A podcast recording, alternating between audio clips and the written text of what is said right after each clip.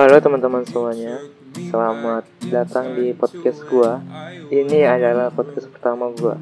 Oh ya, perkenalkan nama gua Jonas Octavian. Kali ini gua bakal mau bahas ekspektasi lah yang membuat kita sebenarnya sakit hati atau ekspektasi tinggi seni untuk sakit hati. Sebenarnya sakit hati nggak cuma dari ekspektasi saja, tapi kebanyakan sakit hati datang dari ekspektasi kita yang terlalu tinggi.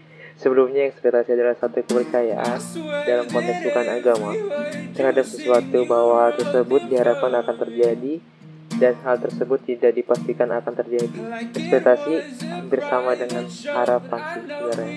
Sakit hati ini banyak contohnya, Gak cuma tentang percintaan, bisa juga soal pekerjaan, teman, keluarga, dan lain-lain. Kali ini gue bakal kasih contoh ekspektasi terlalu tinggi yang biasa anak muda nih yang kena, yaitu tentang cinta atau perasaan asik.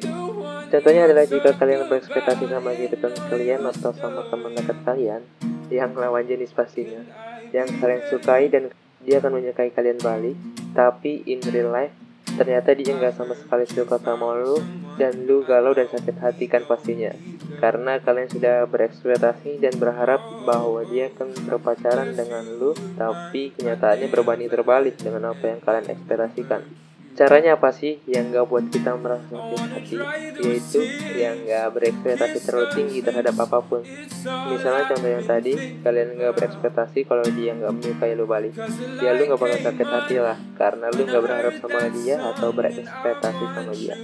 Sebenarnya ada cara lain sih untuk tidak sakit hati, sebenarnya dengan cara negatif thinking tapi kalau gue bahas negatif thinking di episode kali ini kayaknya agak keluar dari topik tapi di next episode gue bakal bahas ya tentang negatif thinking thank you guys buat kalian semua yang udah dengerin podcast gue dan bagi kalian juga yang mau tahu gue bisa follow di Instagram gue di @junusoctavian_underscore dan kalian juga bisa ngasih saran atau pertanyaan di DM di Instagram. Terima kasih guys. See you in the next episode.